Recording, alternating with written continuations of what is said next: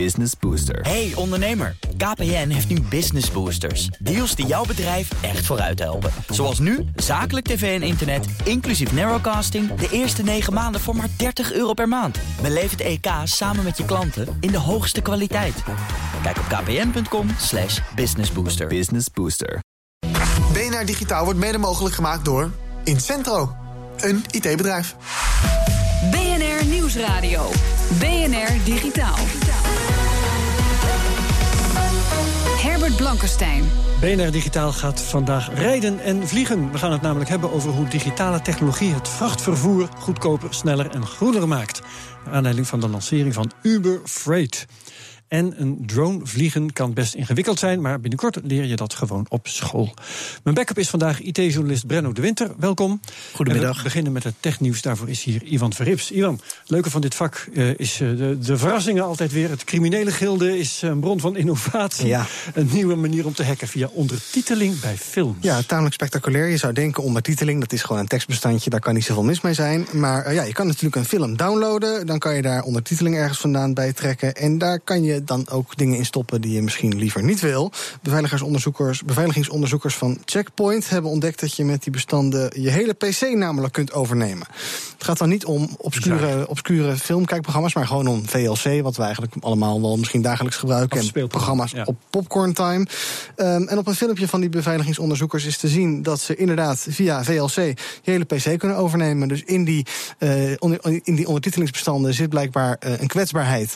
Waardoor je ziet dat inderdaad die beveiligingsonderzoekers je scherm gewoon zien en mee kunnen kijken en kunnen klikken als ze willen. Dan verraden ze zichzelf, maar ze kunnen natuurlijk ook meekijken en bestanden weghalen. Ja. Uh, inmiddels is dat lek gedicht, bijvoorbeeld in VLC. Maar ja, dan moet je wel even updaten. Als je dat niet doet, dan uh, nou, kijkt er misschien iemand mee. Ja, ja oké, okay, dankjewel. Uh, de wachtwoorden-app One Password is een paswoordmanager. Ja. One Password komt met een speciale reismode. Ja, best wel slim. Je hoort de afgelopen maanden natuurlijk verhalen over dat je je username moet afgeven. En misschien zelfs wel je paspoort, eh. In de, in de VS bijvoorbeeld. Ja. Nou, als je dat dan niet doet, dan mag je daar niet in. Nou, dat is natuurlijk ook niet handig. Nou heeft One Password inderdaad een soort reismodus geïntroduceerd.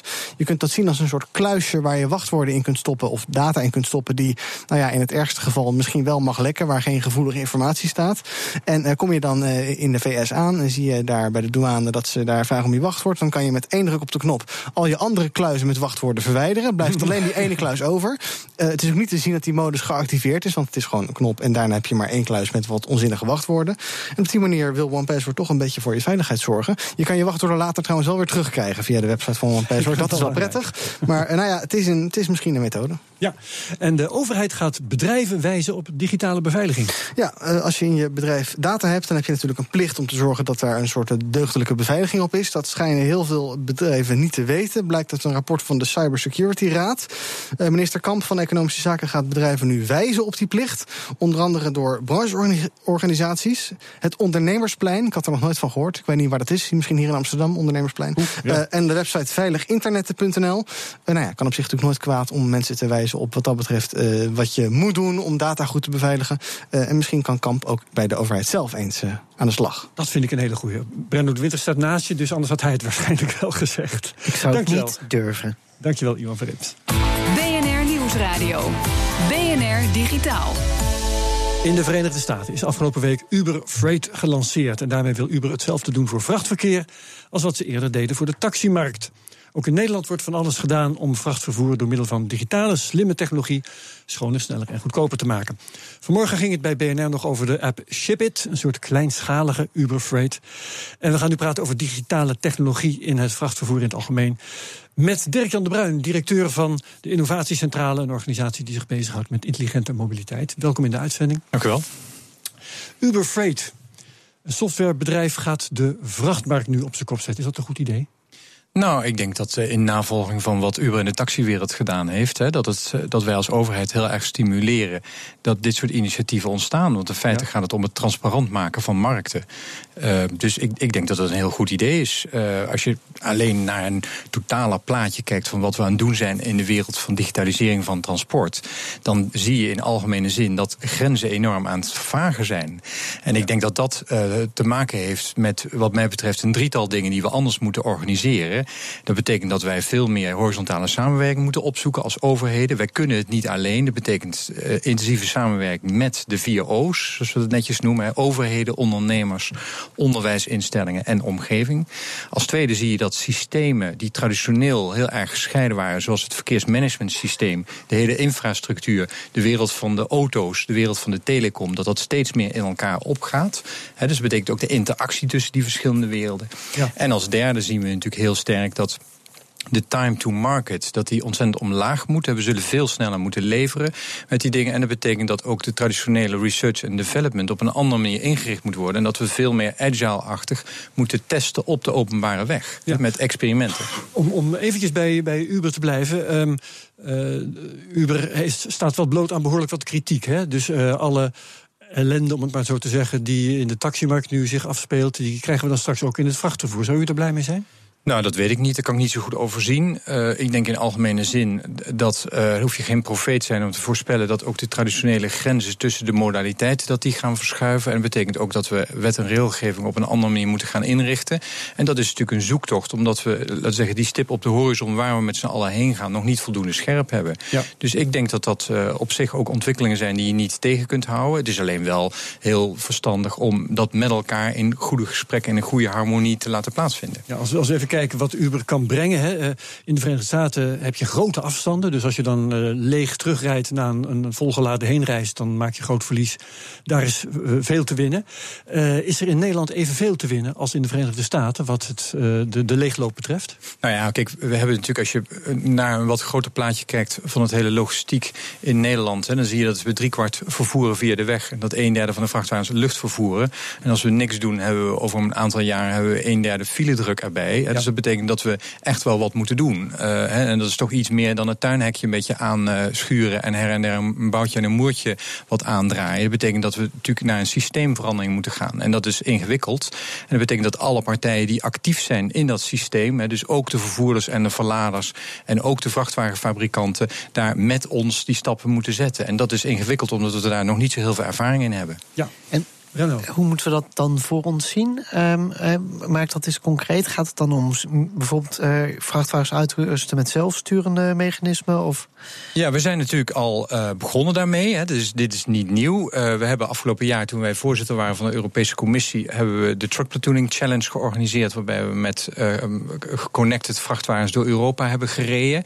In de vorm van een um, real-life test. Hè, dus op de openbare weg. Om daarmee ook aan te tonen welke stappen er gezet moeten worden. En ja, je kunt je voorstellen dat als je met een platoon van Volvo's uit Göteborg naar de Maasvlakte komt, hoeveel autoriteiten je onderweg tegenkomt die allemaal wat vinden en wat willen. En dus ook de interoperabiliteit, dus de wet en regelgeving, is natuurlijk heel belangrijk. Maar blijkt uit een dergelijke test dan ook hoeveel er te winnen valt? Is Zeker. Een of ander cijfer? Eh, zeker. Nou ja, die, kijk, het is zo dat op dat moment vervoerden die vrachtwagens lucht. Waar we nu eh, de volgende stap willen zetten, is dat we het willen integreren in de logistieke processen van grote vervoerders en verladers. Hè, alle Albert Heijn, Jumbo of Unilever. Om dan daarmee ook um, zeggen het, het veel meer in het echtje te gaan doen. U heeft wat dat betreft volkomen gelijk om te zeggen hoe ziet die value case er eigenlijk uit? Hè? Welke waarde creëer je met elkaar? Daar gaan wij ook stappen in zetten, omdat we merken dat laten zeggen, de eerste stap is altijd de makkelijkste. Maar de vervolgende stappen, als er echt ook fors geïnvesteerd moet worden door verschillende partijen, is ingewikkeld. En je ziet, hè, om een voorbeeld te geven, dus de Europese Commissie komt met nieuwe richtlijnen op het gebied van CO2. Uh, en dat is voor fabrikanten natuurlijk best heftig. Maar truckplatooning is nog geen, uh, levert nog geen benefits op in die CO2. Hè. Dus, uh, omdat er nog zo weinig gedaan wordt? nou, nee, omdat, we nog, omdat we nog wat verkokerd daarnaar kijken. Dus ja. het, het, waar het om gaat is dat we veel meer de interactie moeten hebben. En dat ook duurzaamheid een hele belangrijke driver kan zijn... om deze nieuwe vorm van smart mobility ook te ja. bevorderen. Maar mijn vraag was, wat kun je ermee winnen? Hoeveel zuiniger rijd je dan bijvoorbeeld? Hoeveel, hoeveel minder Nou, als je naar de korte termijn kijkt... is uh, 15% minder brandstof en 15... Ja en, en dus daarmee ook minder CO2. Maar dat is eigenlijk niet. De, daarmee krijg je de business case niet rond. Waar veel meer, uh, laten zeggen, winst te behalen is. Is als er op een hele andere manier gewerkt gaat worden. Als ook de samenwerking binnen de sector. En als je ook kunt kijken naar dingen als voorspelbaarheid. Er komt een schip aan in de Rotterdamse haven.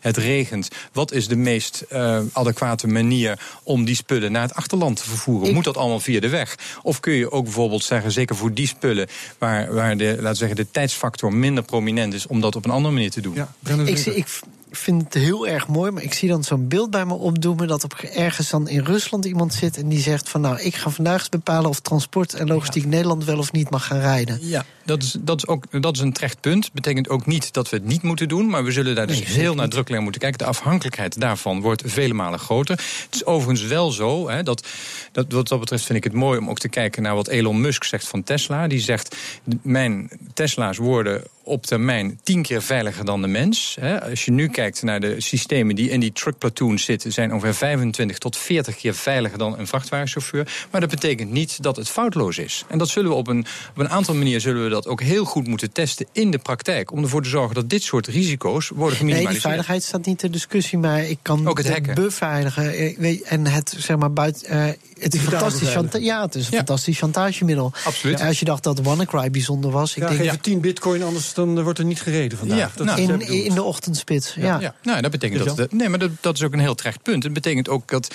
Kijk, zo zie ik het. Hè, de, de technologie is één deel van de taart. Maar er zijn een heleboel andere taartdelen die ook ontwikkeld moeten worden. Hè. De gebruikersacceptatie, terecht ook de hele cybersecurity, de, de manier van, van privacy, de, de beveiliging, ook het hele wet en regelgeving. En hè, willen wij de komende jaren meedoen met die enorme technology push die er aan zit te komen, betekent ook dat die andere terreinen op hetzelfde niveau ook mee moeten gaan. Maar je bereikt alleen wat, hoor ik uit je woorden, dat eh, als je er ook werkelijk mee aan de slag gaat. Als je in diepe springt. Nou ja, god, we weten natuurlijk allemaal, hè, desk is the most dangerous place from which to view the world. Dus hè, kom uit je hok. eh, hè, en, en, en dat is, vind ik het mooie, dat die agile-achtige dingen er ook voor zorgt dat je het vanuit de praktijk doet. Hartelijk dank, Dirk-Jan de Bruin van de Innovatiecentrale. Begon met een dom horloge, toen kregen we de smartwatch. Zometeen een pleidooi tegen het slimme horloge. BNR Nieuwsradio. BNR Digitaal. Het moest the next big thing worden, de smartwatch. Maar de verkoopcijfers laten iets anders zien. Tijd voor een ommezwaai, zag redacteur Ivan Verrips. Zo klinkt een horloge al lang niet meer. En nou ja, dat is misschien maar goed ook. We hebben natuurlijk tegenwoordig de smartwatch. Smartwatch 2 is the latest Android enabled smartwatch designed to impress and built to perform. When a call or notification comes in, a gentle vibrating alert will let you know. En niet te vergeten, het vlaggenschip. Apple Watch is the most personal device we've ever created. We invented new, intimate ways to connect and communicate directly from your wrist. And it's also a comprehensive health and fitness device. Maar het moet maar eens ophouden met dat ophemelen van die smartwatch. Hi, I'm Roger, and I have one question.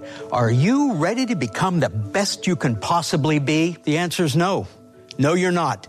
So buy this doodad. De Amerikaanse website Cracked maakte een alternatieve reclame. It's a fitness related status symbol that's smart in the sense that it talks to the internet.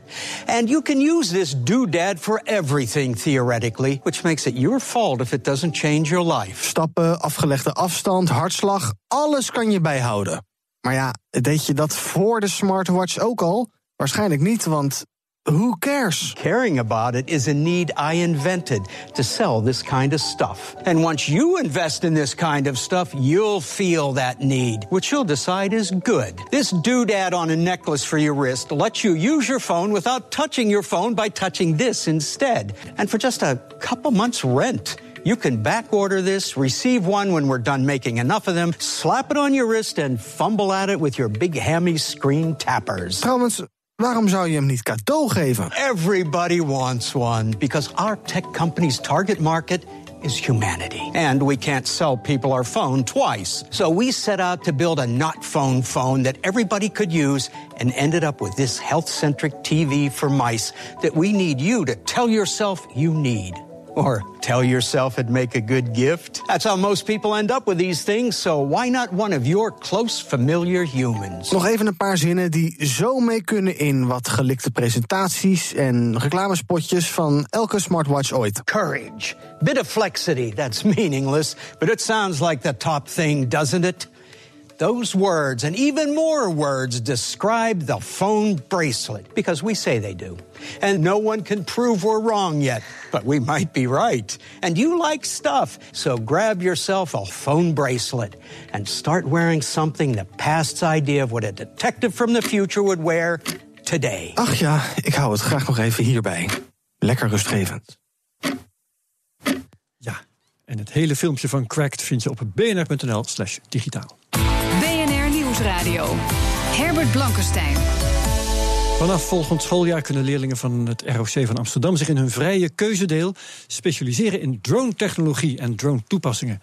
Dat maakt de school MBO College Airport vandaag bekend.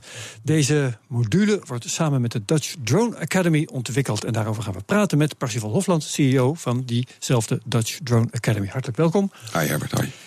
Jouw bedrijf heet dus Dutch Drone Academy. Waarom is er dan ook nog een MBO-opleiding nodig? Kunnen ze niet gewoon bij jou een cursus eh, komen volgen? Ja, dat kan. Dan kan je eigenlijk. Uh, ja, wat mij betreft wel. nee, dan kan je met een dag of twee aan de slag als uh, filmer, fotograaf met een drone. Kan je met een drone uh, vliegen tot 4 kilo. Maar er is natuurlijk veel meer te doen met een drone. En er zijn heel veel MBO's.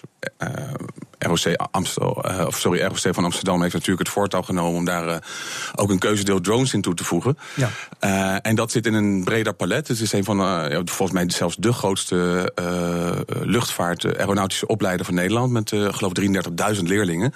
Dan praat je over een hele andere klasse van school en doelgroep. Ehm, maar waar zij mee bezig zijn, is natuurlijk mensen. Uh, voor te bereiden voor een toekomst waarin drones een rol spelen. En met de juiste kennis waarop je ook mee, waarmee je ook een beetje kans van baan maakt. Wat gaat dat keuzevak dan inhouden? Ben ik heel benieuwd naar. Uh, ja, uh, dat is vrij breed, want met een drone kan je zoveel dingen doen. Ja. Uh, en je mag zo weinig. Ja, vliegen vooral. Dus. ja, ja, maar goed, met verschillende sensoren, 3D-mappen maken, foto's. Ja, nou goed, het verhaal is bekend. Um, in dit keuzedeel wat wij nu aan het ontwikkelen zijn samen, daar zijn we eigenlijk al vorige week mee begonnen. Daar kan je, daar leer je als eerste budgetteren, een materiaalkeuze. Budgetteren, daar begint het mee. Ja, het begint okay, met ja, budgetteren. Ja. En, het, en, en, daarvoor wat, misschien wat nog de vraag... Deze operatie die ik van plan ben, wat gaat die kosten? Ja, en wat wil ik ermee? Uh, wat voor materiaal ga ik kiezen? Hoe ga ik het frame ontwerpen? Wordt het een fixed wing of iets met propellers? Zelfs het bouwen van de drone is daar onderdeel van. Het gaat zo ver. Uh, kijk, vergis je niet, in deze school staan gewoon F-16's en Boeing 737. Dat wist ik niet. ja, dat is echt een serieuze aangelegenheid. Ja. Uh, en ik denk ook dat de werkgelegenheid serieus is. En dat, dat zien ze daar goed wat, wat, wat hier uh, de bedoeling is, is niet alleen uh, leuk vliegen en dingen doen met drones, maar ook uh, echt inhoudelijk weten. Zelfs de flight controllers worden hier zelf geprogrammeerd op autonoom vliegen. Dus men gaat echt heel diep de materie in. Ja, ja, ja dus het is niet even alleen de regels, want dat is natuurlijk ook een dingetje. Hè? Niet alleen de regels ja. leren, maar heel diep de techniek in. Ja, absoluut. Brenno, heb jij al drone-ervaring eigenlijk? Ja. Leg uit. Ja, ik heb vier drones. Dat was ooit één drone. Oh, okay. um, en de eerste keer dat ik ermee ging vliegen, toen ging, ging ik lekker omhoog. En, en was nog voldoende batterij. Ja, ik kwam zelf terug. Er was voldoende batterij, maar opeens echt gewoon, ik denk op een meter of zeventig hoog, zei opeens uh, de stroom, ik stopte mee. En toen kwam die recht naar beneden en toen had ik er vier. Ja. Dus dat was geen heel groot succes. Dus dat was best bijzonder. Maar het was niet een heel geavanceerd model, blijkbaar, met een waarschuwing en zo. En nee, maar hij was landen. niet leeg. Maar uh, tenminste, volgens de, het zat wel een waarschuwing op. Uh, eigenlijk was het de tweede vlucht. En de eerste ja. keer ging dat gewoon goed. En toen tijdig laten landen en zo. En de tweede keer toen opeens was hij uh, vol. En toen kreeg ik echt van, uh, hij raakt nu leeg. Toen heb ik meteen op landen gedrukt. En ik denk een seconde later dat hij gewoon propeller stil... Maar dat was jouw eerste en jouw laatste drone-ervaring meteen ook? Ja, nou ja, en in de hackspaces hebben daar ook een aantal mensen. Dus ik heb ook wel eens gespeeld met de drones van anderen. En we hebben nu voor de hackersconferentie... hebben we echt het hele terrein al in kaart gebracht met een drone. Dus dat, dat is, wel... deze zomer, je zegt hackersconferentie. Ja, daar gaan we het nog wel een keer over hebben. Lijkt me een goed idee. Kap ik nou even Heel goed, maar dus ja, ervaring. Ja, ja. hey Parsifal, um, als je dan dit keuzedeel doet hè, ja. um, als student... wat heb je dan aan het einde? Krijg je een certificaat of iets dergelijks? Ja, kijk, op je mbo-diploma staat dan ook dat je dat keuzedeel drone hebt gehad. Drone-technologie in dit geval. Ik moet trouwens wel één dingetje even corrigeren nog. Uh, het is een initiatief van het ROC van Amsterdam samen met ROC Twente. Waar, waar Dutch Drone Academy bij aanhaakt nu. Uh, om de inhoud ook vorm te geven vanuit het expertise deel drones en de ervaring die we hebben als professionele operator ook. Dus dat, dat wil credit ik even. Where credit is due. Precies, maar krijg je nou een vliegbewijs of niet? Want dat wil ik toch eigenlijk wel weten. Net zoals je een vaarbewijs kunt krijgen. Nou, het grappige is, uh, de opleider uh, geeft, in dit geval ROC van Amsterdam, geeft je diploma. Daarmee kan je wellicht aan de bak, waarschijnlijk wel. Uh, maar in die opleiding hebben wij het zo versleuteld dat daarin al de kwalificaties zit voor je eerste vergunning waarmee je gelijk commercieel aan de slag kan met een drone. Kijk. Wil ik graag weten, wat kun je dan allemaal? Hè? Als je dit keuzevak hebt gedaan, wat kan je dan en wat mag je dan? Nou, dat, je zei het in het begin al, je hebt toepassingen. En dat is echt voor de vlieger. Dus die kan uh, natuurlijk uh, in de agrarische sector boeren helpen met uh, hun gewassen inspecteren met een drone. Tot en met de makelaar die een foto of een filmpje maakt van een leuk huis in de, in de buitenwijk. Hè, dus, binnen dus de... je bent zeg maar bevoegd als dronepiloot? Um, Tot op zekere hoogte. laat ik het zo formuleren. Je, je kan met een drone aan de slag. Wil je dat commercieel gaan doen? Want in Nederland is het zo, als je alleen uh, sportief of recreatief vliegt, is dat vergunningsvrij. De rest is allemaal vergunningsplichtig. -hmm. Maar door de kennis die je hebt opgedaan in de opleiding, ben je gewoon in staat uh, de vergunning aan te vragen. Oké, okay, dat is handig. Ja, dus, ja. dus, dus die, de keuze is aan jou. Ga ik er wat mee doen of niet? Ga je dat doen, dan moet je iets van uh, een paar honderd euro nog betalen. Uh, 334 geloof ik. Om de, de 234 euro om bij het INT de vergunning aan te vragen. En die krijg je dan. Ja, ja, dat is het, het onderdeel, uh, ik zou zeggen, bevoegdheden. Maar ja. welke bedrijven zijn dan in je geïnteresseerd? Nee, dat hangt een beetje af van de ontwikkeling op dit moment. Want laten we eerlijk zijn, er kan ontzettend veel. Die drones uh, die, die, die kunnen jou volgen, die, die kunnen autonoom vliegen, uh, die kunnen in 4K de gekste dingen doen. Um, alleen er mag zo weinig nog. Dus op het moment dat de drones veiliger worden. minder toch ook, hè? Sorry? Wat er mag, wordt alleen maar minder. Je zegt er mag nog zo weinig. Nee, dat wordt niet minder. Nee, dat, nee? dat is een misvatting. In Nederland is de drone-wetgeving eigenlijk best wel ver vooruit. En ook voor professionals heel erg uh, goed ontwikkeld. En er is wetgeving, laten we dat vooropstellen. Uh, er mag niet steeds minder. Binnenkort worden wel de, de mogelijkheden van hobbyisten ingeperkt. Ja. Die gaan van 120 naar 50 meter hoog en, en, en een aantal andere zaken. Uh, 50 meter hoog, vergeet niet, hè, dat is 13, 14 etages. Dus dan praten ja, we over, over een serieus stuk speelgoed. Genoeg voor Brenno. Ja. um, maar nee, het, het, is best goed geregeld. Sterker nog, er is uh, sinds enige tijd, wij hebben al bijna 150 mensen daarvoor opgeleid, een ROC Light vergunning, zoals dat formeel heet. Als je die doet, dus een tweedaagse cursus, wordt er niet naar geneeskunde gekeken of je kan vliegen. Uh, mag je een certificaat halen uh, en heb je een vergunning om commercieel te vliegen met een drone tot 4 kilo. Dus, dus er kan echt ontzettend veel al. Ja. Terug naar deze opleiding. Um, is die moeilijk? Wat moet je bijvoorbeeld kunnen om die opleiding te kunnen doen? Nou, dit zijn jongens die, uh, die sleutelen ook aan vliegtuigen, om het maar even plat ja. uit te drukken. Dat, dat, uh, dus, dus die, die, dat die, niveau dan toch wel? Ja, nou, ik, ik denk dat die, uh, de meeste mensen verbaasd en verbijst zullen zijn over hoe ver die elektrotechniek al is in die drones. Want dat is natuurlijk wel een next step. In, in, in een vliegtuig zit heel veel uh, hardware, metaal, uh, machines, ook natuurlijk veel elektronica. Maar in, in, die drone gaat het toch echt heel erg om software. En, en daar denk ik dat de grootste winst te halen is als, als je een opleiding volgt bij zo'n ROC van Amsterdam. Oké, okay, dankjewel Parsifal Hofland van de Dutch Drone Academy. En tot zover BNR Digitaal voor nu. Brendo de Winter was mijn backup, ook hartelijk dank. Hou onze BNR-podcast De Technoloog in de gaten. Die gaat deze week ook over drones. De technoloog, de technoloog en BNR Digitaal terugluisteren. Dat kan via de BNR-app, bnr.nl slash digitaal... en via de podcast Spotify, the whole shebang. Dank en graag tot volgende week. BNR Digitaal wordt mede mogelijk gemaakt door Incentro. Een IT-bedrijf. Business Booster. Hey ondernemer, KPN heeft nu Business Boosters. Deals die jouw bedrijf echt vooruit helpen. Zoals nu, zakelijk tv en internet, inclusief narrowcasting... de eerste 9 maanden voor maar 30 euro per maand. Beleef het EK samen met je klanten in de hoogste kwaliteit. Kijk op kpn.com slash businessbooster. Business Booster.